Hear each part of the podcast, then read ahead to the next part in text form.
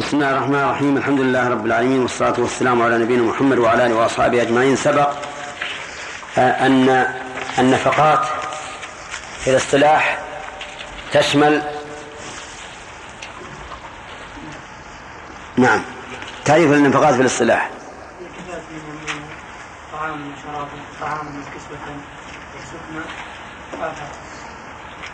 طيب كفاية ما يمونه طعاما وكسوة وسكنى وعفافا أو عفة طيب أسباب وجوب النفقة ها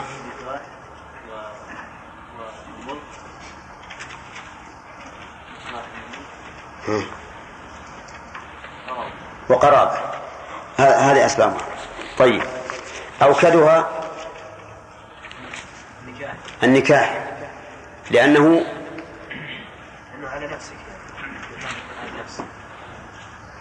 ولأنه معاوضة أيضا معاوضة في مقابلة استمتاع بالزوجة بخلاف نفقة القريب أو المملوك طيب أيما أفضل أن ينفق الإنسان في سبيل الله أو أن ينفق على أهله على أهله الدليل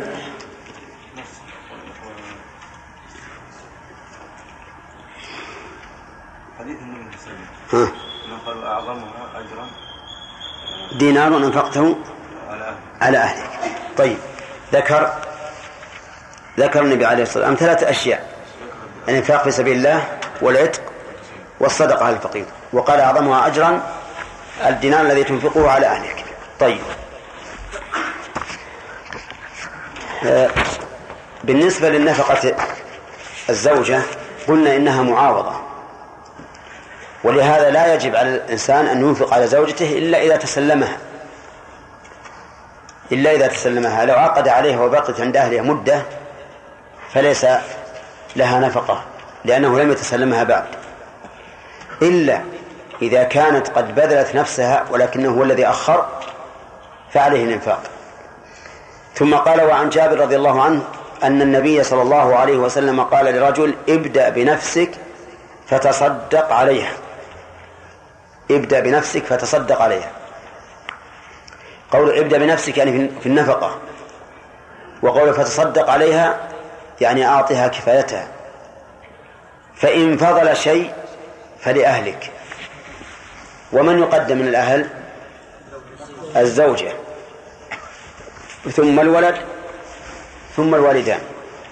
وقال بعضهم يقدم الوالدان على الولد فإن فضل عن أهلك شيء فلذي قرابتك وتبدأ بالأقرب فالأقرب ولكن لا بد من قيد وهو الحاجة فإن فضل رحمك الله فإن فضل عن عن قراب عن ذي قرابتك فهكذا وهكذا رواه أحمد ومسلم وأبو داود هكذا يمينا وهكذا شمالا يعني فرق يمينا وشمالا تصدق به على الناس في سبل الخير في غير ذلك يمينا وشمالا في هذا دليل على مسائل أولا تقديم النفس في الإنفاق لقوله صلى الله عليه وسلم ابدأ بنفسك وهذا هل هو على سبيل الوجوب أو على سبيل الاستحباب الظاهر أنه على سبيل الاستحباب لأن الله تعالى امتدح الذين يؤثرون على أنفسهم فقال في وصف الأنصار والذين تبوأوا الدار والإيمان من قبلهم يحبون من هاجر إليهم ولا يجدون في صدورهم حاجة مما أوتوا ويؤثرون على أنفسهم ولو كان بهم خصاصة فامتدحهم لكونهم يؤثرون على أنفسهم وقال تعالى ويطعمون الطعام على حبه مسكينا ويتيما وأسيرا والعثار الذي لا يخشى معه معه الهلاك محمود لكن ما يخشى معه الهلاك هو الذي محل نظر بأن يكون معك ماء إن شربته نجوت من الموت وإن أثرت به غيرك مت فهل نقول إنه يحل لك أن توثر به غيرك ولو مت أو نقول لا يحل لك أن توثر غيرك فتموت لأنك إذا آثرت غيرك فمت كنت أنت السبب في موت نفسك وإذا شربته فمات غيرك لم تكن السبب في موته والإيثار الذي ذكر الله لم يصل إلى حد الموت بالإيثار بل قال يطعمون الطعام على حبه هم يحبون الطعام لكن يؤثرون غيرهم لكن لا يخافون هلاك يؤثرون على أنفسهم ولو كان بهم خصاصة أي جوع لكن فرق بين إنسان يصبر على الجوع ويؤثر غيره وبين شخص يؤثر غيره فيموت الثاني يكون قاتل في المسألة الثانية يكون مؤثر ايش؟ قاتل لنفسه بخلاف الأولى ولذلك نقول الإيثار الذي يؤدي إلى الموت غير محمود بل قد يكون محرما للسبب الذي ذكرناه أما الإيثار الذي لا يؤدي إلى الموت ولكن يؤدي إلى المجاعة وإلى المشقة فهذا محمود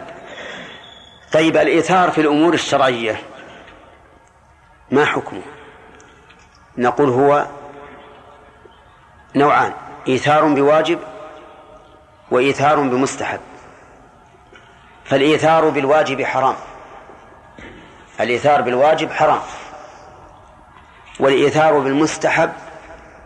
قيل إنه مكروه وقيل إنه خلاف الأولى وقد يكون الإيثار هو الأولى حطوا بالكم يا جماعة إذا الإيثار في الأمور الشرعية ينقسم إلى قسمين إيثار بإيش؟ بواجب فهذا حرام إيثار بمستحب فقيل إنه مكروه وقيل خلاف الأولى نعم و... و... نعم و... فإذا قلنا خلاف الأولى يكون قد يرتقي إلى أن يكون أولى طيب الإيثار بالواجب مثاله رجل معه ماء وهو على غير وضوء ومعه رفيق له ليس على وضوء أيضا فكلاهما محتاج لهذا الماء هذا الرجل إن أعطى رفيقه الماء لم يتوضأ وإن توضأ به لم يتوضأ رفيقه فإيثار الماء فإيثار رفيقه بالماء في هذه الصورة إيش حرام عليه لأنه يؤدي إلى ترك الوضوء بالماء مع القدرة عليه وهذا حرام حرام أن تصلي بالتيمم وأنت قادر على استعمال الماء طيب المستحب مثاله رجل كان في الصف الأول في الصلاة حضر مبكرا ودخل في الصف الأول فجاء رجل صاحب له له عليه حق فقام من مكانه وقال له تفضل اجلس في هذا المكان هذا إيثار بإيش بمستحب فذكر بعض العلماء أنه مكروه قال لأن هذا يدل على رغبته عن الخير يدل على رغبته عن الخير لأنه لو كان حريصا على السبق إلى الخير لم يقدم غيره فيه وقال بعضهم بل هو خلاف الأولى لأن التقدم في المكان سنة وترك السنة لا يستلزم المكروه فكما أني لو قمت عن مكان هذا لغير أحد لم أفعل مكروها فإذا قمت عنه لأحد لم يكن مكروها من باب أولى وهذا القول هو الصحيح أنه لا يكره أن يوثر غيره بالمكان الفاضل لكن هذا خلاف الأولى وإذا قلنا إنه خلاف الأولى صار إذا ترتب عليه مصلحة هو الأولى يترتب عليه مصلحة كان هو الأولى فمثلا إذا جاء أبوك وأنت في الصف الأول وقمت عنه ليكون في الصف الأول احتراما له وبرا به صار هذا أولى كذلك لو جاءك جاء إنسان له فضل عليك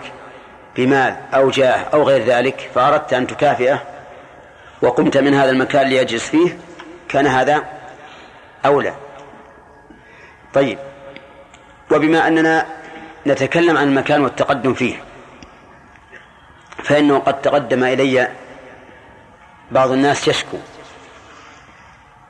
من وضع دينار آخر قال تصدق به على ولدك قال عندي دينار آخر قال تصدق به على خادمك قال عندي دينار آخر قال أنت أبصر رواه أحمد والنسائي ورواه أبو داود ولكنه قدم الولد على الزوجة واحتج به أبو عبيد في تحديد الغنى بخمسة دنانير ذهبا تقوية لحديث ابن مسعود في الخمسين درهما باب اعتبار حال الزوج في النفقة عن معاوية القشيري قال أتيت رسول الله صلى الله عليه وسلم قال فقلت ما تقول في نسائنا قال أطعموهن مما مما تأكلون واكسوهن مما تكتسون ولا تضربوهن ولا تقبلوهن رواه أبو داود باب المرأة بسم الله الرحمن الرحيم قال المؤلف رحمه الله تعالى فيما نقله عن أبي هريرة رضي الله عنه قال قال رسول الله صلى الله عليه وسلم تصدقوا فأمر بالصدقة والأمر هنا ليس للوجوب إذا حملت إذا حملت حملت الصدقة على صدقة التطوع وللوجوب إن كانت إن حملت على الزكاة المفروضة والزكاة المفروضة تسمى صدقة كما قال الله تعالى إنما الصدقات للفقراء والمساكين إنما الصدقات ولكن الذي يظهر أن المراد بها هنا صدقة التطوع تصدقوا فقال رجل عندي دينار قال تصدق به على نفسك وهذا كالحديث الذي قبله يدل على أن الإنفاق على النفس من الصدقة ويدل أيضا على البداءة بالنفس مقدمة على كل أحد قال عندي دينار آخر قال تصدق به على زوجتك قال عندي دينار آخر قال تصدق به على ولدك قال عندي دينار آخر قال تصدق به على خادمك قال عندي دينار آخر قال أنت أبصر رواه أحمد والنسائي وأبو داود ولكنه قدم الولد على الزوجة والراجح رواية تقديم الزوجة على الولد هذا هو الراجح الموافق لما سبق من الأحاديث وللقواعد العامة والشاهد أن في هذا الحديث ترتيب من ينفق عليهم فيبدأ الإنسان أول أولا بنفسه ثم بزوجته ثم بولده لأنه بضعة منه ولم يذكر في هذا الحديث الأب والأم والظاهر والله أعلم أنه لم يذكرهما لأنه كان عند النبي صلى الله عليه وسلم علم لأن هذا الرجل ليس له أب ولا أم ولهذا ذكر الخادم بعد والحديث الذي قبله ذكر أنه إن فضل شيء على من على ذي القرابة على ذي القرابة عموما وهنا ذكر الخادم والقضية كما تعلمون كما تشاهدون قضية عين ليست لفظا عاما ولكنها كلام مع شخص معين لعل النبي صلى الله عليه وسلم أسقط بعض ما يجب لعلمه بأنه لا يوجد لدى هذا الرجل قال تصدق به على خادمك قال عندي دينار آخر قال أنت أبصر به يعني افعل به ما تراه نافعا ليس في هذا الحديث أكثر مما سبق سوى أنه يدل على جواز استعمال الخادم حيث قال تصدق به على خادمك وهذا إقرار من الرسول صلى الله عليه وسلم لاستخدام الخادم ولا شك أن الخادم في الأصل جائز يعني يجوز للإنسان أن يستخدم غيره وكان للنبي عليه الصلاة والسلام خدم كثيرون أحرار وعبيد لكن استخدام الرسول عليه الصلاة والسلام لهؤلاء ليس كالخادم الخاص الذي يكون عند الشخص في البيت إنما هي خدمة عامة ويكون هؤلاء ألصق برسول الله صلى الله عليه وسلم من غيرهم في كونهم يخدمونه منهم من يختار كذا ومنهم من يختار كذا يخدمه فيه بخلاف الخادم الخاص الذي يستخدم في كل شيء يحتاجه الإنسان على كل حال الخادم في الأصل لا بأس به أي لا بأس أن يستخدم الإنسان رجلا يعينه على أموره ولا بأس أيضا أن تستخدم الأنثى أنثى تعينها على أمورها هذا هو الأصل لكن إذا ترتب على هذا الأمر المباح أمر منكر فإن القاعدة العامة أن المباح إذا ترتب عليه منكر صار حراما لذاته ولا ولا لأمر آخر؟ ها؟ لأمر آخر لأمر آخر لأن الوسائل أو الذرائع لها أحكام ما ما تنتهي إليه وعلى هذا فنقول ما وجد في الآونة الأخيرة من الكثرة في استعمال الخدم وربما يكون بلا حاجة فإذا كان بلا حاجة صار فيه شيء من الإسراف وقد قال الله تعالى وقد قال الله تعالى ولا تسرفوا إنه لا يحب المسرفين وصار فيه أيضا شيء من إطلاع الناس على سرائر البيوت وهذا قد يكون له خطر ولو في المستقبل البعيد لأن هؤلاء الخدم الذين يأتون كما تشاهدون ليسوا خدما من أهل البلاد مستقرين في البلد بل هم خدم أجانب يشتغلون عندنا بعض الوقت ثم يذهبون إلى أوطانهم ولا ندري ماذا يحدث بعد ذهابهم إلى إلى أوطانهم من إطلاعهم على سرائرنا وعلى عاداتنا وعلى أحوالنا حتى ربما يعلمون في بلادنا ما لا نعلمه نحن لا سيما أن بعضهم يكون فطنا وربما يستخدم في أغراض أخرى لدول أخرى لكننا لا نعلم أما إذا كان نعم أما إذا كان رجلا يذهب بالمرأة صاحبة البيت ويجيء بها وحدهما في السيارة فهذا من أعظم الخطر وهو منكر داخل في عموم قول النبي عليه الصلاة والسلام لا يخلون رجل بامرأة بل هذه خلوة عظيمة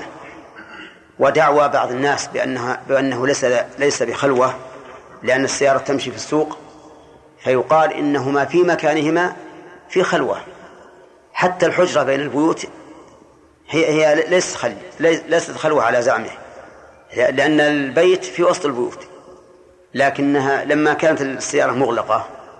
فإنها خلوة بلا شك هما في مكانهما خاليان ثم إنها قد تكون أشد من خلوة الحجرة في البيت لأنه يمكنه أن يتصرف بما شاء في قيادة السيارة ويخرج بها إلى مكان يلجئها على أن يفعل بها ما شاء وما أكثر ما يحصل من الشكاوى في خلوة السائق بالمرأة بل في خلوة غير السائق بالمروة بالمرأة يحصل شر كثير يحصل كلام وضحك وربما تغمزه المرأة أو يغمزها ويحصل فتنة هذا شيء نعلمه نحن بالمكالمات التي تأتينا من الشكاوى وهذا يوجب للإنسان أن يقول إن هذا حرام بلا شك خلوة السائق بالمرأة كذلك أيضا الخادمة يحصل في وجودها في البيوت في بعض البيوت شر كثير إذا لم يكن معها محرم ولا سيما إذا كان في البيت شباب مراهقون على جانب آه، خفيف من الدين فإن الشر ينتشر ويكثر ولكن الأصل في الخادم أنه إيش؟ الأصل أنه جائز نعم واحتج به أبو عبيد في تحديد الغنى بخمسة دنانير ذهبا تقوية لحديث ابن مسعود في الخمسين درهما هذه مسألة تنازع الناس فيها ما هو الغنى الم... ال... الذي لا يجوز دفع الزكاة لمن اتصف به فقال بعضهم إن من ملك خمسين درهما أو خمسة دنانير فهو غني خمسين درهما من الفضة وخمسة دنانير من الذهب قالوا من ملك هذا فهو غني لا تج... لا يجوز دفع الزكاة إليه ولكن هذا القول ضعيف والدنانير الخمسة والخمسون درهما إذا كانت غنى في زمن من الأزمان أو في مكان من من الأمكنة لا يقتضي أن يكون ذلك في كل زمان ومكان قد تكون خمسون درهما في زمن من الأزمان غنى ولكن في زمن من الأزمان ليست بغنى كان الناس في هذه البلاد من قبل الذي يملك خمسين درهما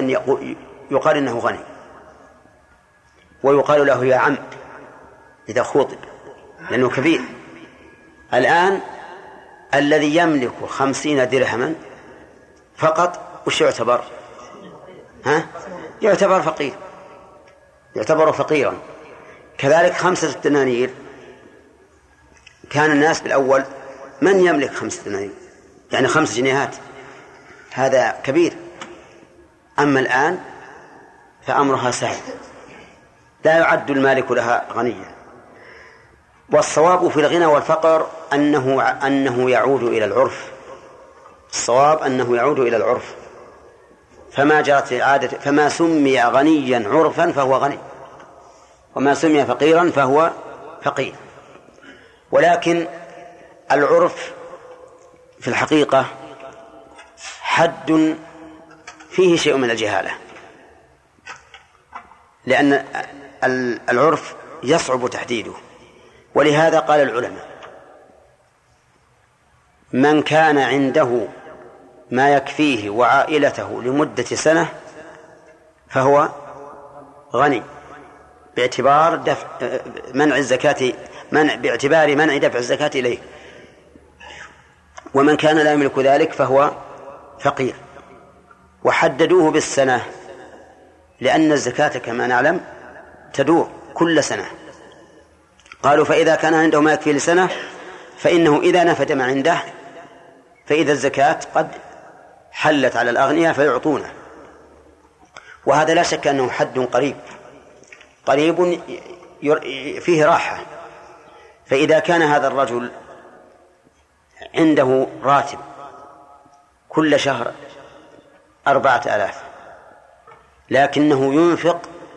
على نفسه وعائلته كل شهر خمسة آلاف فهو ها فقير ولا لا هذا فقير لأن الآن لأن الأربعة لا تكفي فيعطى من الزكاة كم؟ اثنا عشر ألفا اثنا عشر ألفا ولو كانت الأربعة هذه تكفيه لمدة السنة لكن لا تزيد على كفايته فإنه لا يعطى غني ولو كان يكفيه من الأربعة ألف فهو أيضا غني طيب فالحد أو تحديد الغنى بأنه من يملك كفايته وكفاية عائلته لمدة السنة هذا هو أقرب الأقوال ثم قال باب اعتبار حال الزوج في النفقة هذا هذه الترجمة تشير إلى مسألة وهي أن الزوج يجب عليه الإنفاق على زوجته لكن كيف تقدر النفقة وبمن تعتبر هل تعتبر بحال الزوجة أو بحال الزوج أو بحالهما جميعا ها بحالهما جميعا طيب ها بحال الزوج بقى واحد ها بحال الزوجة بحال الزوجة فالأقوال ثلاثة الأقوال ثلاثة القول الأول أن المعتبر حال الزوجة فيجب على الإنفاق على الزوج أي على الزوجة أن ينفق على زوجته بحسب حالها لا بحسب حاله فإذا كانت الزوجة غنية والزوج فقيرا فالواجب على الزوج أن ينفق عليها إنفاق الغني إنفاق الغني لماذا؟ اعتبارا بحالها هي الزوجة غنية فتقول أنا والله جئتك من أبي وأمي كل يوم نأكل الدجاج كبسات وخبز جيد رقيق نعم ونشرب الشاي عدة مرات وناخذ مرطبات وأشياء نفقة غني الثياب أيضا ثياب طيبة وحلي وكذا لما جيت عندك ما نشرب الشاي إلا مرة ولا نأكل الخبز نعم ولا ولا نرى اللحم إلا في الأسبوع مرة هذا ما يصير أنا أريد نفقة مثل نفقة أهلي لأني غنية فنقول للزوج على على القول بأن المعتبر حال الزوجة نقول يلزمك أن تأتي لها بمثل نفقتها عند أهلها لأنها هي غنية القول الثاني أن المعتبر حال الزوج حال الزوج فإذا كان الزوج غنيا وهي فقيرة على على رأي من يرى اعتبار الزوجة اعتبار حال الزوجة لا يلزم هذا الزوج الغني إلا نفقة فقيرة فهذا الزوج يأكل من أطيب الأكلات ويلبس من أطيب الألبسة ويأتي لزوجته بكسرة خبز أدمها خل ويأتي لها بالثياب الرديئة فإذا قالت ليش ما تعطين مثل ما تنفق على نفسك قال لأنك فقيرة والمعتبر حالك هذا بناء على الرأي الأول الذي ذكرناه لكن على القول بأن المتبع حال الزوج يلزمه نفقة غني يلزمه نفقة غني لأنه غني أما على رأي هداية الله أن المعتبر حالهما فإنه إذا كانت الزو إذا كان الزوج غنيا والزوجة فقيرة يلزمه ما بين نفقة الغني والفقير يكون مثلا إذا قدر أنه لو أنفق نفقة غني لأنفق في الشهر ألفا وإن أنفق نفقة فقير لأنفق في الشهر خمسمائة كم ينفق إذا كان هو غني غنيا وهي فقيرة سبعمائة وخمسين يلزمه إنفاق سبعمائة وخمسين لا نفقة غني ولا نفقة فقير لأنه هو غني وهي فقيرة واحد نصف نصفه يعني كم نصف واحد نصف واحد إلا ربع إذا لها نفقة غني إلا ربع واضح طيب والصحيح أن المعتبر حال الزوج لقول الله تعالى لينفق ذو ساعة من سعته ومن قدر عليه رزقه فلينفق مما آتاه الله لا يكلف الله نفسا إلا ما آتاها والآية صريحة وهذا الحديث الذي ذكره المؤلف يدل على عليه قال عن معاوية القشيري قال أتيت رسول الله صلى الله عليه وسلم فقلت ما تقول في نسائنا قال أطعموهن مما تأكلون واكسوهن مما تكتسون ولا تضربوهن ولا تقبحوهن نعم قوله أطعموهن مما تأكلون فإذا كان غنيا فهو يأكل ها أكل غني إذا أطعمها إطعام غني وكذلك إذا كان فقيرا فإنه يأكل أكل فقير فيطعمها إطعام الفقير اكسوهن كذلك مما تكتسون إذا كانوا أغنياء يكسون كسوة غني وإذا كانوا فقراء كسوة فقير طيب فإذا قال قائل لو أخذنا بظاهر الحديث لكان الغني البخيل لا يلزمه إلا نفقة إيش فقير لأن الغني البخيل لا يكاد ينفق إلا مثل نفقة الفقير أو أقل فالجواب أن البخل مرض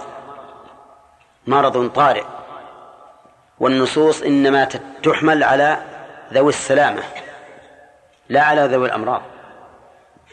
فالأصل أن الغني ينفق نفقة غني وأن الفقير ينفق نفقة فقير طيب ولا تضربوهن وهذا نهي عن ضرب المرأة لأن حقيقة الأمر أن ضرب المرأة يوجب النفرة الشديدة ولهذا قال الرسول عليه الصلاة والسلام متعجبا كيف يضرب الرجل امرأته ضرب العبد ثم هو يضاجعها في آخر النهار هذا لا يتناسب الإنسان الذي يضاجع المرأة لا يناسب أبدا أن يضربها لأنها ستذكر هذه الضربة وتكون أمام عينها فأين الإلفة وأين المودة ولكن هذا النهي مخصوص بما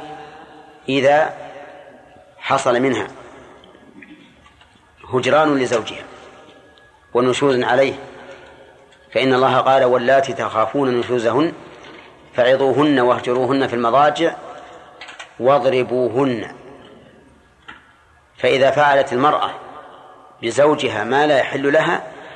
ولم تتأدب إلا بالضرب فله أن يضربها لكن ضربا غير مبرح ولا تقبحوهن تقبيحا حسيا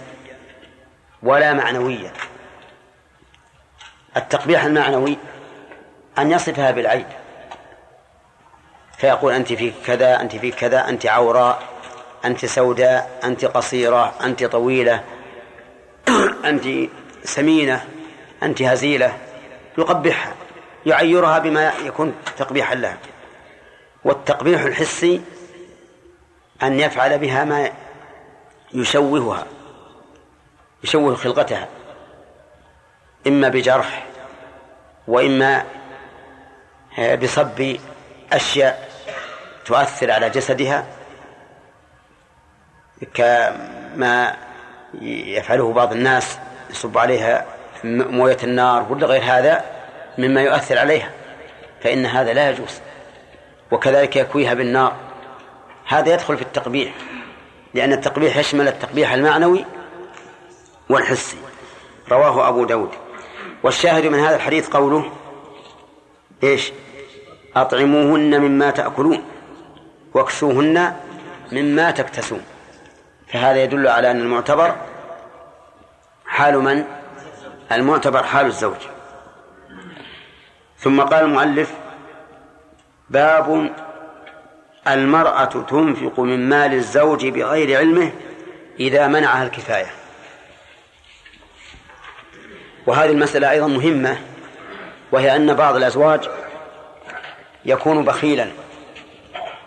فلا يعطي الزوجة ما يكفيها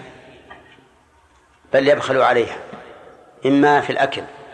أو في الشرب أو في اللباس فإذا بخل عليها بذلك فهذا الحديث يبين حكم هذه المسألة قال عن عائشة رضي الله عنها أن هندا قالت يا رسول الله هند بنت عتبة قالت يا رسول الله إن أبا سفيان رجل شحيح وليس يعطيني ما يكفيني وولدي إلا ما أخذت منه وهو لا يعلم فقال خذي ما يكفيك وولدك بالمعروف رواه الجماعة إلا الترمذي قولها إن أبا سفيان رجل شحيح وهذا من من الغرائب لأن أبا سفيان من سادات قومه والغالب أن السيد يكون كريما ولهذا لما سأل النبي صلى الله عليه وسلم آه، قبيلة نسيت اسمها قال من سيدكم يا بني فلان قالوا فلان إلا أنا نبخله قال أي داء أدوأ من البخل وهذا حقيقة أن أعظم ما يكون في في في ذوي السيادة والشرف من من الأدواء والأمراض أن يكون بخيلا فكون أبي سفيان سيدا في قومه وبخيلا على أهله هذا من الأمور الغريبة ولكن لا يستغرب على حكمة الله عز وجل أن الله تعالى قد ينقص بعض الكمال لئلا يتشامخ الإنسان ويعلو أكثر مما ينبغي أن يكون عليه الله أعلم قلنا إن المعتبر حالهما جميعا متوسط يعني هم ليس متوسطين الزوجة غنية والزوج فقير نفس كلام السابق أن تعتبر حال الزوج حال الزوج إذا لا فرق بين القولين القول الذي يقول المعتبر حال الزوج والقول الذي يقول المعتبر حال الزوج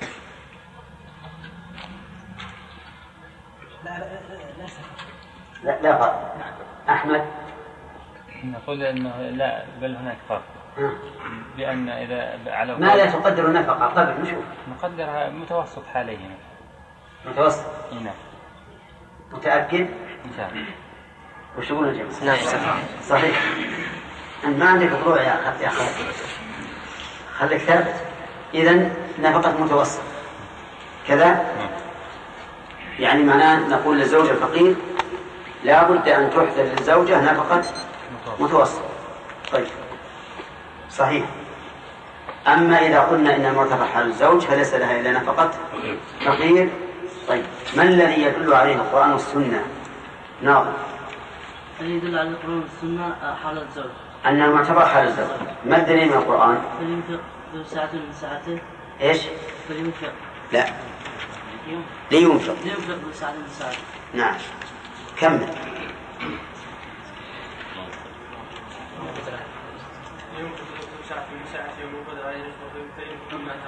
نعم لا يكلف الله نفسا أحسن تمام طيب الدليل من السنة نعم هذا الحديث هذا الحديث اللي ساقه المؤلف أن تكسو أن تطعمها مما تطعم أو مما طعمت تكسوها مما اختزيت طيب ثم قال باب باب المرأة تنفق من مال الزوج بغير علمه إذا منع الكفاية الزوجة تنفق من مال الزوج بغير علمه إذا منعها الكفاية مثال هذه الترجمة امرأة لا ينفق عليها زوجها امرأة لا ينفق عليها زوجها وتقول له أعط من النفقة وما اصبر كل ما قالت قال اصبر وأحيانا يقول لا ما نعطيك فما هل يجوز أن تنفق من مال زوجها بغير علمه هذا هو ما, ما هذا هو معنى الترجمة إذا منع الكفاية ساق المؤلف حديث عائشة رضي الله عنها أن هند بنت عتبة قالت يا رسول الله إن أبا سفيان رجل شحيح وليس يعطيني ما يكفيني وولدي إلا ما أخذت منه وهو لا يعلم فقال خذي ما يكفيك وولدك بالمعروف رواه جماعة الترمذي هذه هند جاءت تشكو زوجها إلى رسول الله صلى الله عليه وسلم بأنه شحيح لا نعطيها من النفقة ما يكفيها ولدها إلا ما أخذت بغير علم فهل يحل لها؟ فأخبرها النبي عليه الصلاة والسلام بأن ذلك جاء فقال خذي ما يكفيك وأظن وقفنا على قوله خذي ما يكفيك أولا طيب خذي ما يكفيك الصيغة هنا صيغة أمر ولكنه ليس المراد بها الأمر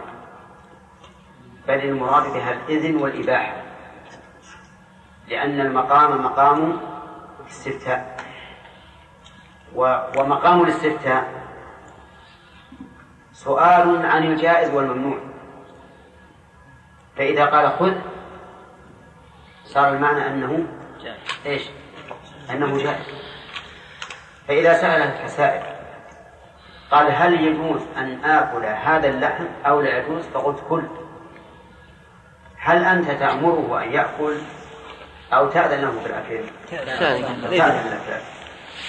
فإذا جاء الأمر في الاستئذاء في الاستفتاء فهو كلام في الاستئذان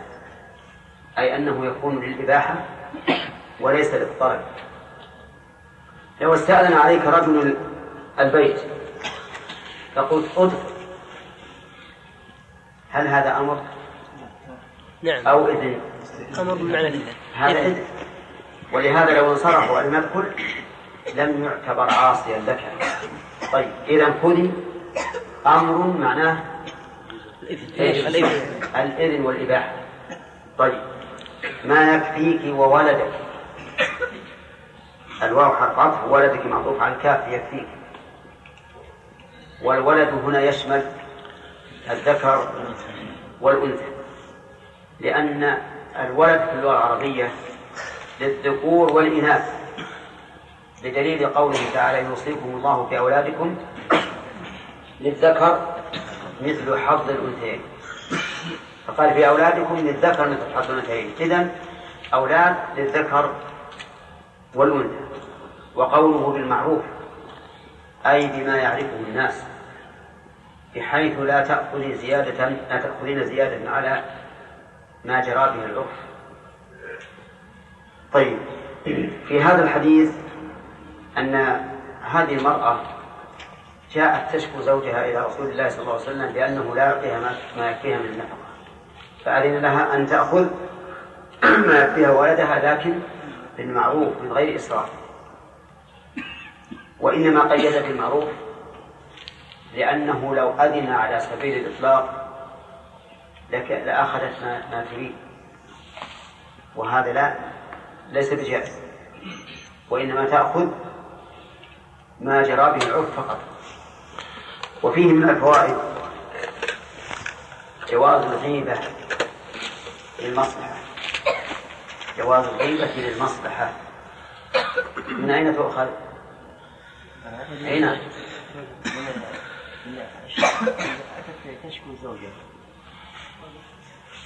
جواز الغيبة الغيبة تشكو زوجها للرسول صلى الله عليه وسلم وش تقول؟ انها ايش؟ ما ينفق عليه بس قولها ان ان ابا سفيان رجل شحيح شحيح صح وشحيح وصف عين يكره الانسان ان يوصف به وقد سأل وقد سئل النبي صلى الله عليه وسلم عن الغيبة فقال ذكرك أخاك بما يكره طيب نحن قلنا جواز الغيبة للمصلحة ولا عند الحاجة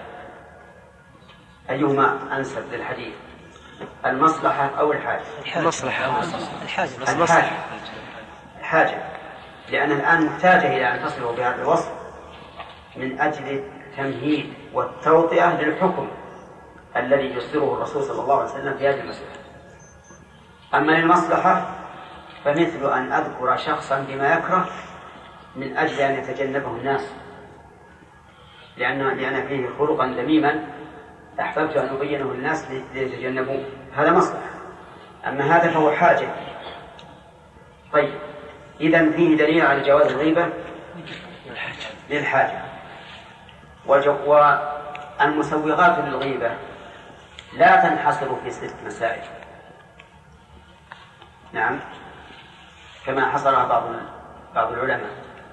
ولا بعشر ولا بعشرين وإنما تذكر بالحد لا بالعد فما هو الحد نقول أن تدعو الحاجة أو المصلحة الحاجة أو المصلحة فإذا دعت الحاجة أو المصلحة فإنه فإن الغيبة تدوم طيب فإذا قال قائل إذا كان الناس سكوتا إذا كان الناس سكوتا ولا لقينا شيء نتكلم وقلنا هاتوا حدا الناس هاتوا لنا واحد من خلق الله نشرحه وهجه هل هذه حاجة؟ لا ها؟ ليست حاجة لكن إذا قال هذا يبسط الحاضرين ويجعلهم يتكلمون ويصير الدم في أجسادهم لأنهم إذا بقوا جالسين ولا يتحرك منهم شيء لا لسان ولا يد ولا رجل خثر الدم في أبدانهم وتبلد ماذا نقول؟ خلوا حاجة محرمة يقول خلوا يتبلد ولا يقومون؟ يقومون ولا يجيبون كتاب يقرؤونه يناقشون في مسألة علم أما أن يأكلوا لحوم الناس من أجل أن يركبوا على أنفسهم فهذا لا ولست هذه حالي ولا مسلم طيب من فوائد هذا الحديث أن كلام المرأة ليس بعورة أن كلام المرأة ليس بعورة وجه ذلك أن هندا كلمت النبي صلى الله عليه وسلم ولكن قد يرد علينا رأي بأن خطاب النبي صلى الله عليه وسلم ليس بغيره ولهذا جاز للرسول صلى الله عليه وسلم أن ينظر إلى المرأة بدون حجاب وجاز له أن يخلو بالمرأة بدون محرم ولا يمكن أن يقاس غيره عليه صلى الله عليه وسلم فالجواب أن نقول إذا لم يكفك هذا الدليل فليكفك قوله تعالى لأمهات المؤمنين ولا تخضعن بالقول فيطمع الذي في قلبه مرض وقلنا قولا معروفا فلم يقل الله ولا تقل أو ولا تكلمن الرجال بل قال ولا تخضعن بالقول والنهي عن الخضوع بالقول يدل على جواز مطلق القول أولا نعم. لأن النهي عن الأخص يدل على ثبوت الأعم ولو كان الأعم ممنوعا لنهي عن الأعم لأنه إذا نهي عن الأعم دخل في الأخص ولهذا استدل أهل السنة على إمكان رؤية الله عز وجل بقوله لا تدركه الأبصار لا تدركه الأبصار فقالوا إن نفي إدراك البصر له يدل على ثبوت أصل الرؤية لأن نفي الأخص يدل على ثبوت الأعم وسبحان الله هذه الآية استدل بها من ينكر الرؤية ومن يثبت الرؤية والحق مع من؟ مع من مع من يثبت الرؤية لأنه لو كانت الرؤية محالا ما صح أن يعبر بقول لا تدرك الأبصار إذ أن هذه العبارة توهم على الأقل أن الرؤية ثابتة والقرآن بيان وليس تلبيسا فلو كانت رؤيا غير ممكنة لقال تعالى لا تراه الأبصار كما قال كلا إنهم عن ربهم يومئذ لمحجوبون طيب إذا ما يمكن تكمل في الحديث بين أنه لا يعلم أبو سفيان ولكن في الوقت الحاضر الآن بعض البخلاء الآن يعد ماله في اليوم أكثر من مرتين أو ثلاث فمجرد أن ينقص منه شيء يترتب عليه أمور كثيرة أعظم من مما أنه أحرم هذه المرأة ربما يضربها أو يؤذيها من الفوائد لا هذه مسألة غير واردة ليست فائدة هذه يا إيه، غير واردة جاءت بالتفريع على الفوائد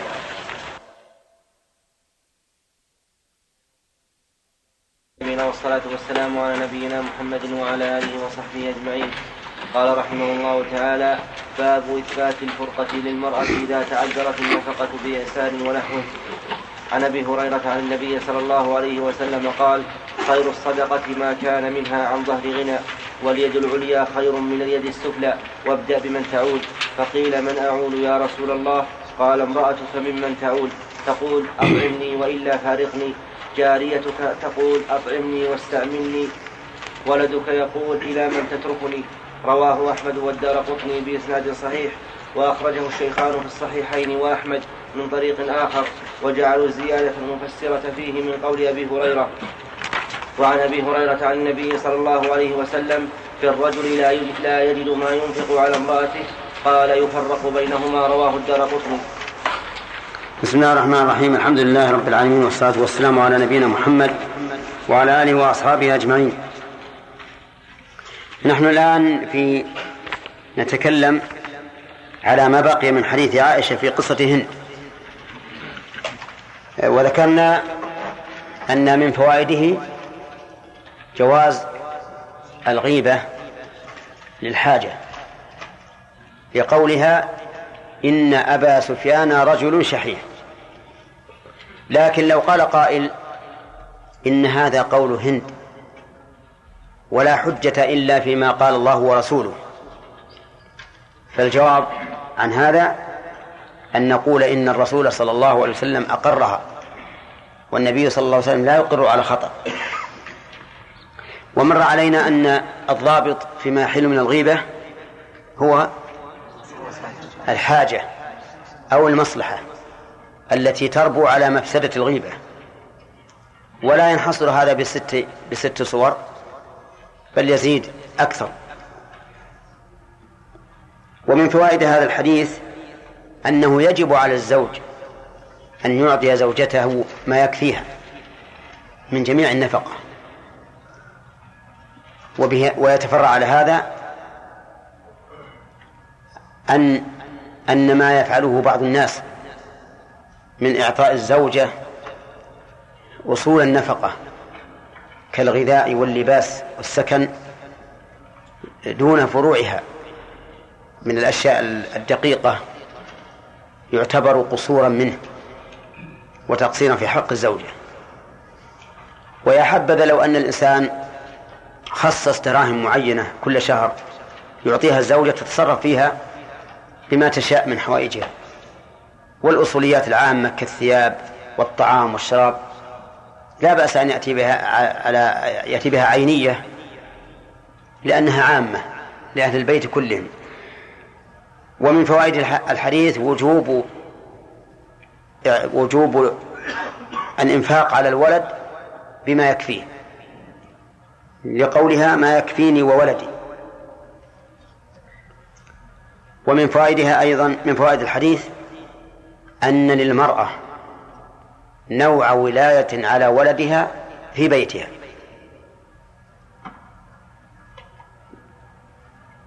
ووجهه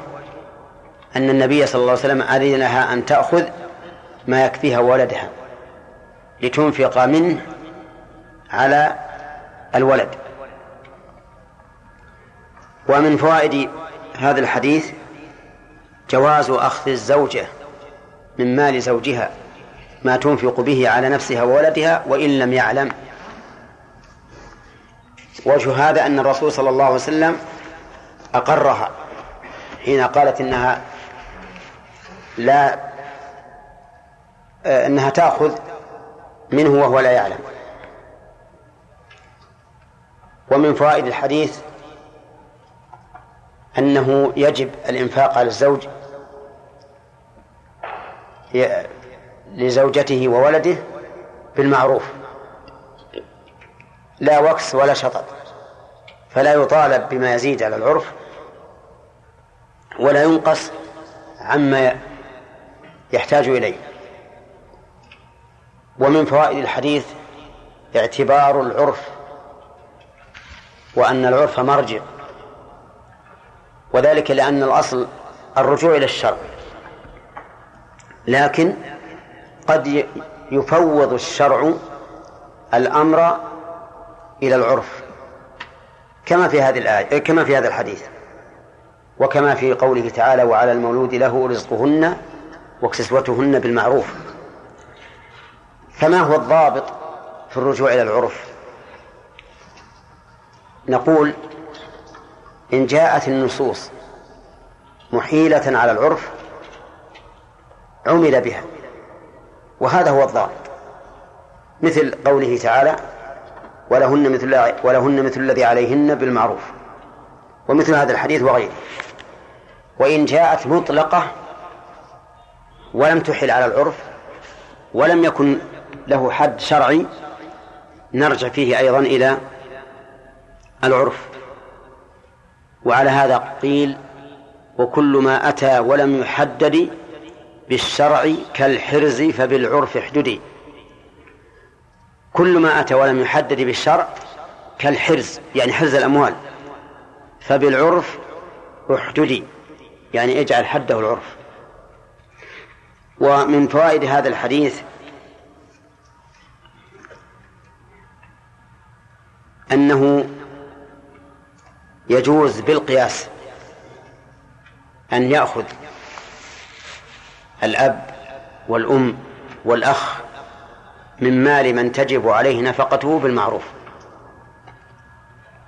قياسا على من قياسا على الولد لأنه إذا أجاز النبي صلى الله عليه وسلم لهذه المرأة أن تأخذ لولدها من مال زوجها ما تنفق على ولده بالمعروف فلا فرق بين الولد والأم والأخ والأخت والعم ومن تجب نفقته وهل يقاس على ذلك من وجب من وجب له دين على شخص فأنكر المطلوب هذا الدين أو صار يماطل فهل يجوز لصاحب الدين أن يأخذ من مال المدين الذي جحد أو ماطل في هذا خلاف بين العلماء فمنهم من قال إنه يجوز أن يأخذ صاحب الدين من المدين بغير علمه إذا جحد أو ماطل وقاسوا هذه المسألة على هذا الحديث قالوا لأن الدين حق واجب للدائن فله أن يأخذه من المدين بغير علمه وربما استدلوا بقوله تعالى فمن اعتدى عليكم فاعتدوا عليه بمثل ما اعتدى عليكم قالوا فهذا اعتدى على حقه فكتمه أو ما طلبه فله أن يعتدي عليه ويأخذ على ماله ويأخذ منه بقدر حقه ولكن الصحيح أنه لا يجوز لأن النبي صلى الله عليه وسلم قال أد الأمانة إلى من ائتمنك ولا تخن من خانك ولأن هذا الباب لو فتح لتجرأ بعض الناس على أموال بعض وادعى أنه يطلبه لأنه ليس هناك سبب ظاهر يحال الحكم عليه فالديون تقع بين الناس بدون أن نعلم أن هذا مدين لهذا وهذا مدين لهذا بخلاف النفقة النفقة سببها ظاهر سببها ظاهر كل يعرف أن هذه زوجة فلان كل يعرف أن هذا قريب فلان فبينهما فرق فالقول الراجع في هذه المسألة أنه لا يجوز لمن كتم حقه أو مطل به أن يأخذ من مال الكاتم أو المماطل بقدر حقه الدليل قوله صلى الله عليه وسلم أد الأمانة إلى من ائتمنك ولا تخون من خانك والتعليل هو أن سبب الخفي آه، سبب الدين نعم، هو أن سبب الحق في الدين خفي غير معلوم ظاهر يعلم به الناس كلهم فلو سلطنا الدائن على مال المدين لحصل في ذلك فوضى وصار كل يعتدي على الآخر ويقول أخذ حقي أو كتمه بخلاف النفقة فإن سببها ظاهر طيب لو نزل ضيف على شخص وأبى أن يضيفه وقدر على شيء من ماله فأخذه للضيافة بدون علمه فهل يجوز نعم لا يجوز هذا يجوز هذا يجوز لأن الضيافة سبب ظاهر سبب ظاهر فهو كالنفقة فإذا أخذ الضيف من مال المضيف الذي أبى أن يضيف في الواقع أخذ من ماله بقدر ضيافته بالمعروف فإن هذا لا بأس به وهذه المسألة يسميها العلماء مسألة الظفر مسألة الظفر بالضاء يعني إذا ظفر الإنسان بحقه فهل له أن يأخذه بدون علم من عليه الحق والصواب فيها هو التفصيل الذي سمعتم أنه إذا كان سبب الحق ظاهرا جاز وإن كان خفيا فإنه لا يجوز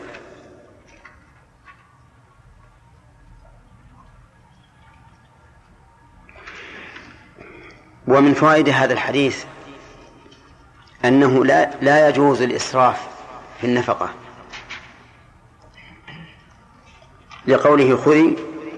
ما يكفيك وولدك بالمعروف ولم يقل خذي ما شئت بل قيد ذلك بالعرف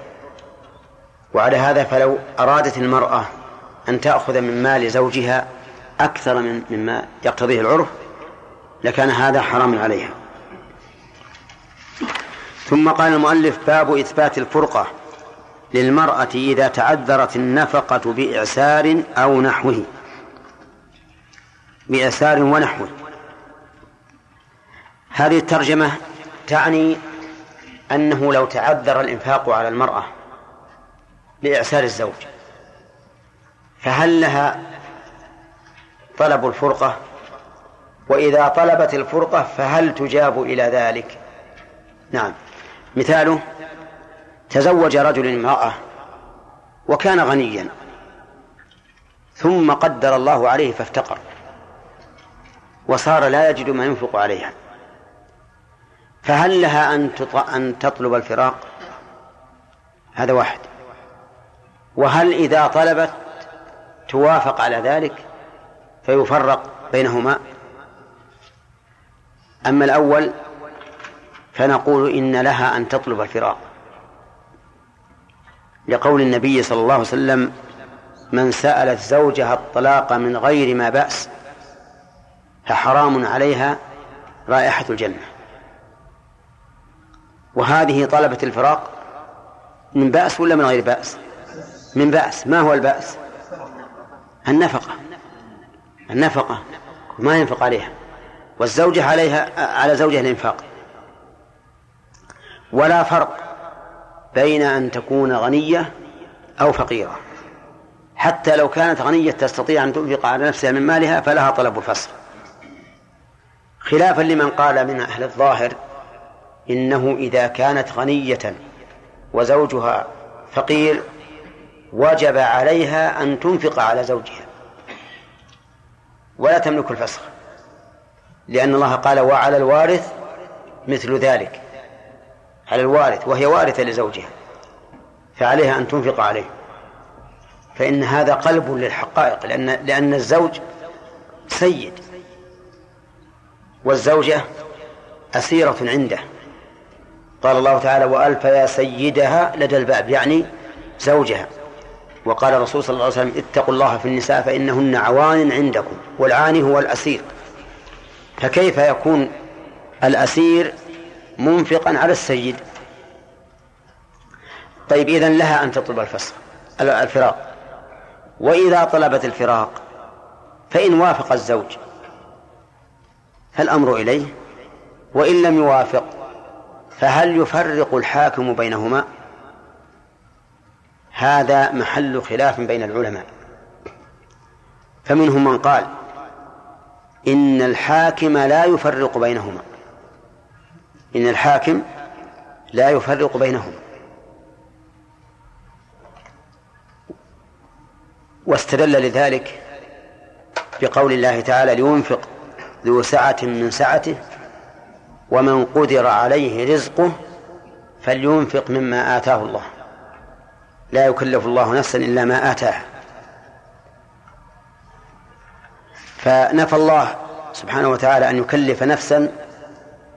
سوى ما أتاه وأمر بأن ينفق الإنسان مما أتاه الله قل أو كثر وإذا كان غير مكلف بالإنفاق بما لم يؤته الله فإنه ليس للزوجة ليس للزوجة خيار لأننا لو لو جعلنا للزوجة خيارا لكان هذا تكليفا للزوج بما لم يؤته بما لم يؤته الله فنجمع له بين الغمين غم الفقر وغم فراق الزوجة والأمر ليس ليس ليس ليس بيده وذهب بعض أهل العلم إلى أن للزوجة أن تطلب نعم إلى أن للو... للقاضي أن يفرق بين الزوج وزوجته في فيما إذا عجز عن النفقة وقال إن الله سبحانه وتعالى يعني أج... نعم وقال في التعليل أو واستدل بالحديث الذي ذكر المؤلف الآن واستدل بالتعليل وقال إن في بقاء الزوجة مع هذا الزوج الذي لا ينفق ضررا عليها والشارع لا يقر الضرر وهذا الذي قلناه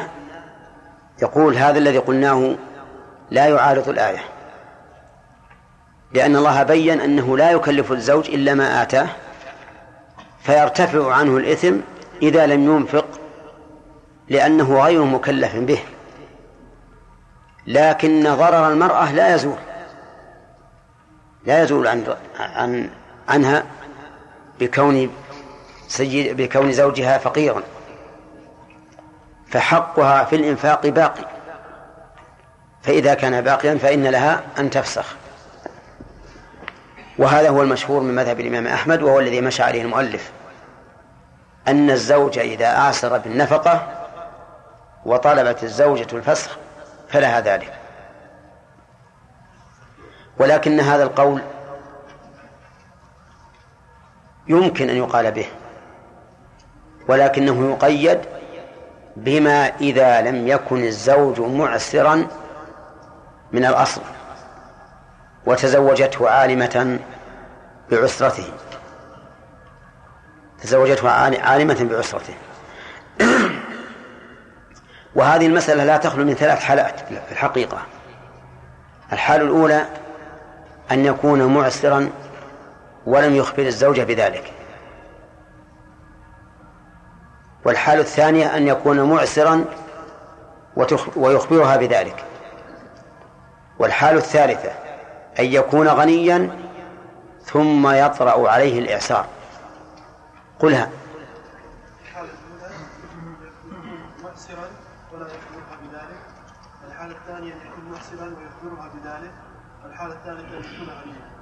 ثم كمل ثم يطرأ عليه الإعصار طيب أما في الحالة الأولى إذا كان معسرا ولم يخبرها بذلك فلا شك أن للزوجة الخيار ولها طلب الفسخ ويجب على الحاكم أن يفسخ العقد إذا طلبته لماذا؟ لأنه خدعها وغرها وقد قال النبي عليه الصلاة والسلام من غش فليس منا ولا يمكن أن نجعل هذه المعصية من هذا الزوج وسيلة إلى التسلط على الزوجة والإضرار بها وهذا معلوم ولا أظن أحدا من أهل العلم يخالف في ذلك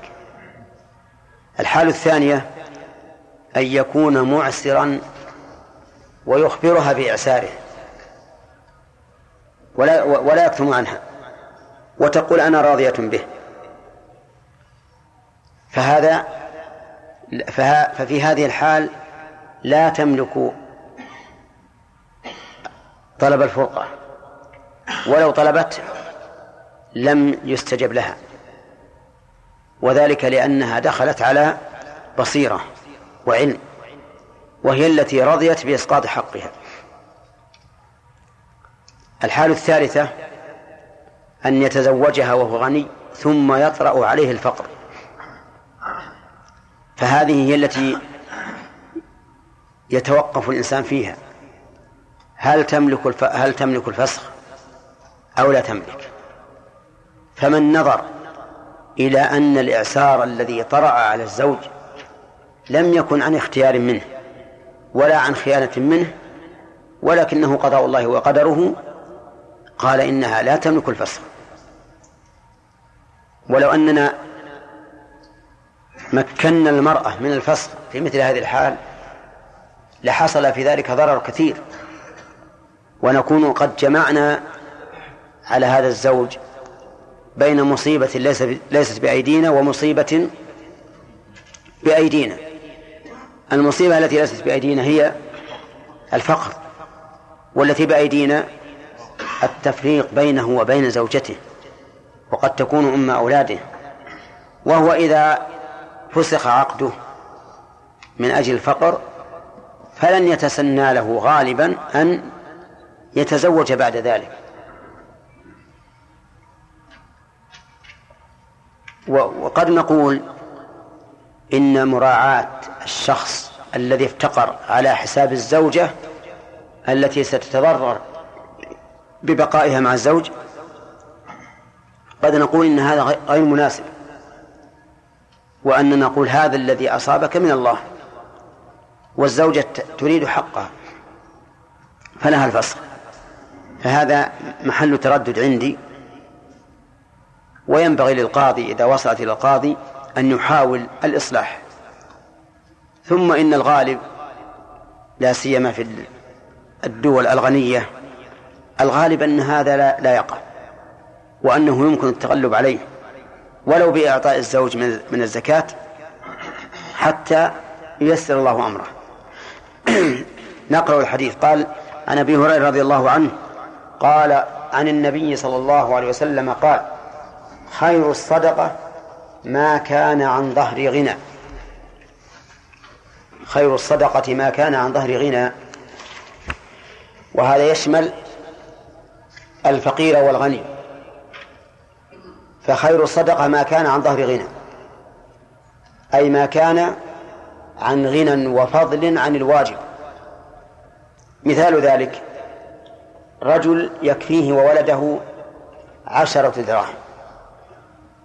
وعنده اثنا عشر درهما ما الذي يكون عن ظهر غنى درهمان الدرهمان هما اللذان عن ظهر غنى فإذا تصدق بالدرهمين فهذه خير الصدقة لأنها كانت عن عن ظهر غنى فما كان عن ظهر غنى قلت أو كثرت فهي خير الصدقة ولا ينافي هذا أن النبي صلى الله عليه وسلم سئل أي الصدقة أفضل قال جهد المقل لأن هذا من جهد المقل إذا كان الإنسان ليس عنده إلا 12 درهما فتصدق بدرهمين فهذا جهد مقل بخلاف من عنده ألف درهم فإنه إذا تصدق بدرهمين لا يضره شيئا هو قليل فدرهمان من 12 أفضل من درهمين من من ألف درهم لأن هذه جهد مقل وهي مع كونها جهد مقل هي عن ظهر غنى وعلى هذا فلا منافاة بين الحديثين فخير الصدقة ما كان عن ظهر غنى طيب قال واليد العليا خير من اليد السفلى الله أكبر اليد العليا يد المعطي واليد السفلى يد الآخر اليد العليا يد المعطي حسا ومعنى هي عليا حسا حسا ومعنى ويد الآخر سفلى سفلى حسا ومعنى أما كون يد المعطي عليا عليا معنى فظاهر ولكن كيف تكون عليا حسا لأن الذي يعطي يعطي يدا ممدودة مبسوطة يقول هكذا ولهذا قال النبي عليه الصلاة والسلام إنك أن تذر ورثتك أنياء خير من أن تذرهم عالة يتكففون الناس يسألونهم بأكفهم فاليد المعطية يأخذ الدرهم ويضعه بيد الآخر ولا يأتيه من أسفل وتكون يد الآخر هي العليا وش تقولون ها؟ لو جعل الفقير بيده مغناطيس وذاك أعطاه قطعة من حديد ودخله من أسفل يمكن لكن هذا نادر هذا نادر ولا جرت به العادة إنما جرت العادة أن أن الآخر يتلقف المأخوذ والمعطي يضعه في يده فتكون يده عليا حسا ومعنى الله أعلم نعم الكمالية يعني أدوات التجميل وغيرها إيش؟ الكمالية يعني التجميل وغيرها نعم اي ما ما في شك الا ما زاد على العاده الا ما زاد على العاده اذا مثلا تاخذ المساحيق الغالية نعم والملونات العالية أو تقول لزوجها أنا بخلي براسي ألف لون بعض الناس الآن طاحن بلون الألوان غريبة كل ظفر من, من رأسها له لون وإذا جئت ولا كأنها باب منقوش نعم هذا حمر وهذا أصفر وهذا أخضر تلاعب تلاعب يعني الحقيقة أن أصبح حتى الرجال سفهاء لا يعقلون النساء ويحجزوهن عن هذا التلاعب هذا في الحقيقة تلاعب بالأموال وتلاعب بالأفكار تلاعب بالعقول وتبقى المرأة بس تنظر كل يوم وش اللي حدث من هالموديلات وتصنف ترهق نفسها بالتعب والفكر والنظر وكل ما زارت ناس أو زارها ناس ورأت شيئا من غير اللي عندها لونه أرد من اللي عندها قال تبيه وترهق أيضا ولي أمرها وبالتالي وأهم من هذا كله أن هذا تنمية لاقتصاد أعدائنا الذين يأخذون أموالنا ليتقووا بها على على إخواننا بل يتقووا بها علينا لأنهم كلما أخذوا منا مالا قويت مصانعهم وازدادوا إنتاجا ونحن مساكين كل ما جاءنا إنتاج غير الأول ولو كان أخص من الأول نعم ودعنا الأول وأخذنا بهذا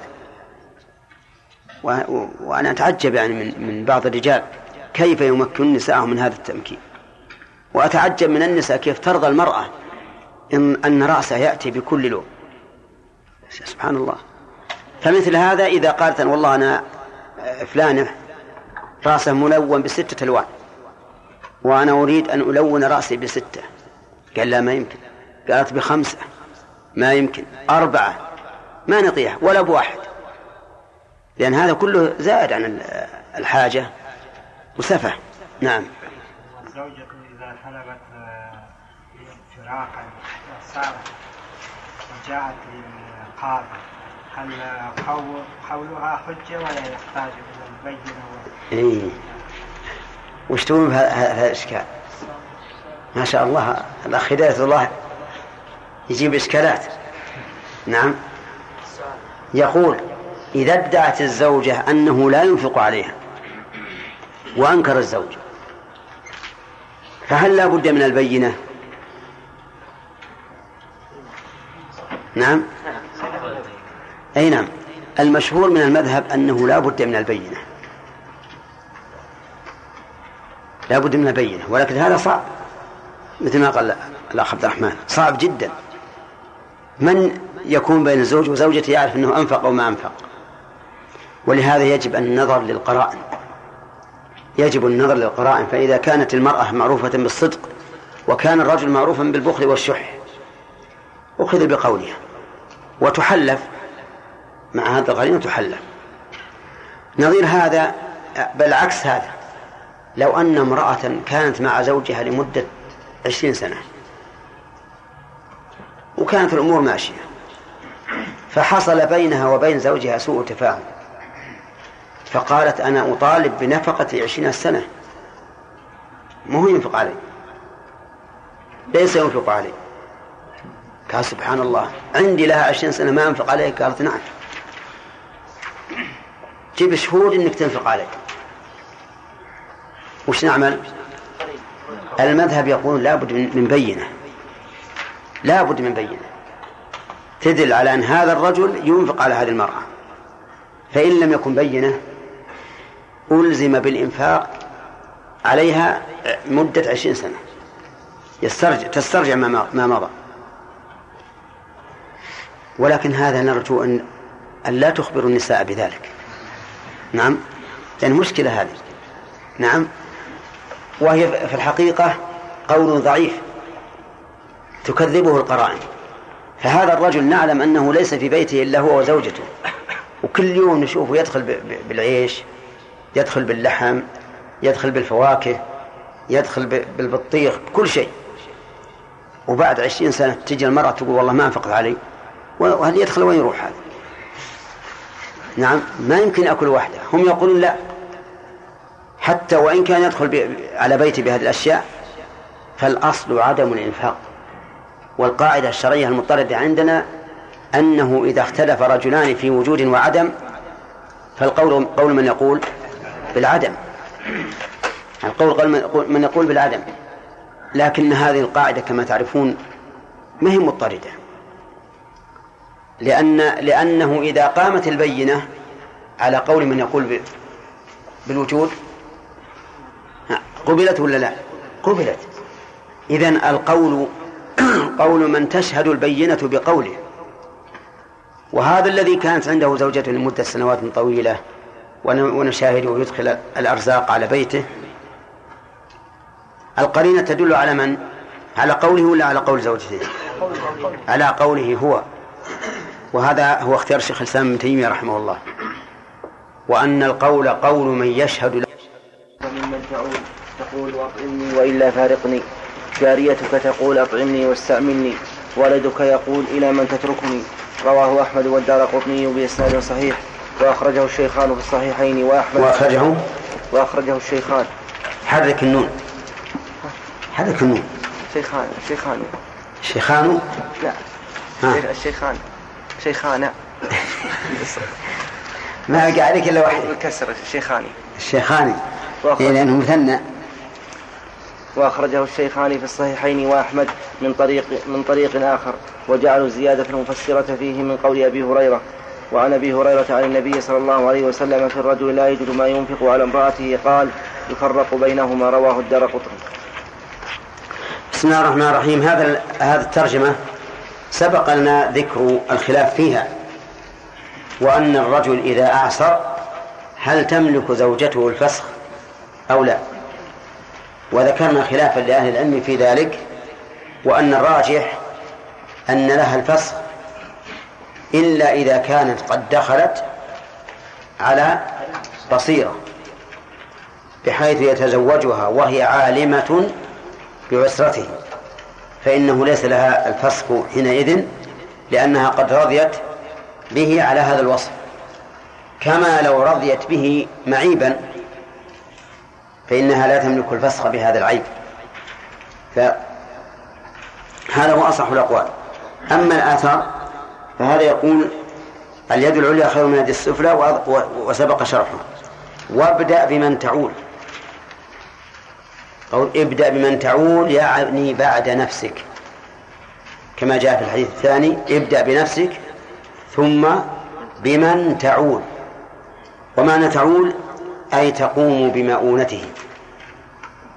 يقال عال الرجل إذا قام بمؤونته ومنه الحديث الخلق عيال الله وأحبهم إليه يعني من أحسن إلى عياله فقول الحب الخلق عيال الله أي أنه يعولهم ويقوم بمؤونتهم وكفايتهم كما قال الله تعالى وما من دابة الأرض إلا على الله رزقها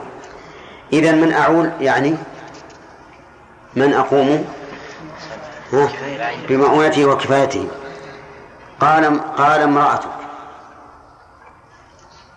امرأتك ممن تعول من للتبعير والإنسان يعول امرأته ويعول ولده ويعول, ويعول أمه وأباه ويعول أقاربه حسب ما تقتضيه النصوص الشرعية قال امرأتك ممن تعول تقول أطعمني وإلا فارقني هذا من مقوله تقول أطعمني وإلا فارقني وإلى آخره طيب الشاهد قوله أطعمني وإلا فارقني حط بالكم يا جماعة فهذه الجملة استدل بها من يقول إن المرأة تملك الفسق إذا افتقر زوجها ولكن هذا الاستدلال فيه نظر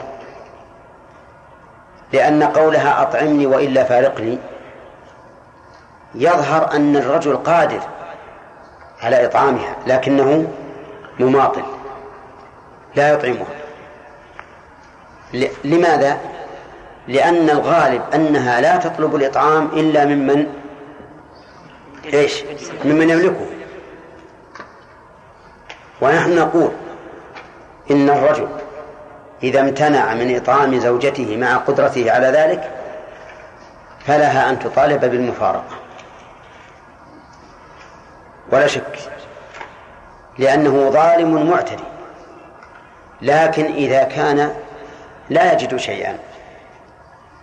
فإنه إذا كان لا يجد شيئا فالغالب أن لا توجه إليه الطلب بالإطعام لأن تدري أنها لو طلبت ما لم تحصل شيئا ثم إذا طلبت وهو لا يجد سيقول سيقول أنا لا أجد وإذا قال لا أجد فهل تجاب إذا قالت وإلا فارقني أو لا تجاب هذا موضع الخلاف يعني على فرض أن هذا القول موجه لزوج لا يجد على فرض أنه موجه فإنها إذا قالت أطعمني ماذا سيقول ها؟ لا أجد فإذا قال لا أجد ستقول فارقني إذا قالت فارقني فهل تجاب أو لا تجاب ليس في الحديث ما يدل عليه ليس في الحديث ما يدل عليه هي ربما تطلب مفارقة ربما تطلب الزوجة المفارقة لأمر دون ذلك قد تقول مثلا اشتر لي سيارة بيوك مزخرفة عليها ريش النعام وزهور آه، الورد وإلا طلقني يمكن تقول هكذا ولا لا؟ يمكن يمكن تقول هات لي خادمة خادمة وخادم وابن خادمة وابن خادم وتطلب ما شاءت وتقول وإلا فارقني وهل إذا قالت هذا تجاب لا تجاب إذا فالحديث ليس فيه دلالة على ما ذهب إليه هؤلاء لهذين السببين السبب الأول يا جماعة ها أن هذا القول موجه لمن؟ لمن يملك ذلك وهو إذا كان يملك ذلك فلها الحق في أن تقول أطعمني أو فارقني وللقاضي أن يفسخ العقد النكاح من أجل هذا لأن الزوج إيش ظالم معتدي الوجه الثاني أن نقول إنها إذا وجهت هذا القول لمن لا يستطيع وقالت أطعمني وإلا فارقني فإنه سيقول لا أجد ما أطعمك فإذا قالت فارقني فهل نجيبها ليس في الحديث ما يدل على ذلك في الحديث ما يدل على أنها تطلب ولكن الطلب قد تجاب عليه وقد وقد لا تجاب طيب لا. جاريتك تقول أطعمني واستعملني ولم يقل أطعمني وإلا بعني تقول أطعمني واستعملني أنا أخدمك لكن أطعمني فهل نقول إنه يجب عليه إطعامها واستعمالها أو إن لم يفعل فليبيعها نقول نعم هذا نقول أطعمها أو بيعها سواء كنت قادرا أم عاجزا أم عاجزا لأنها مملوكة ولا تقدر على شيء بخلاف الزوجة الزوجة لو فرض أن زوجها فقير لا يستطيع استطاعت أن تتعيش لأنها حرة طيب ويقول ولدك أيضا يقول إلى من تتركني إن كان غنيا سيقول إذا أنفق عليك وإن كان فقير ها؟ سيقول لا أجد أتركك لله عز وجل الذي يتكفل بأرزاق جميع الخلق رواه أحمد والدار قطني بإسناد صحيح وأخرجه الشيخان في الصحيحين وأحمد من طريق آخر وجعلوا الزيادة المفسرة فيه من قول أبي هريرة الزيادة من؟ امرأتك والثاني جاريتك والثالث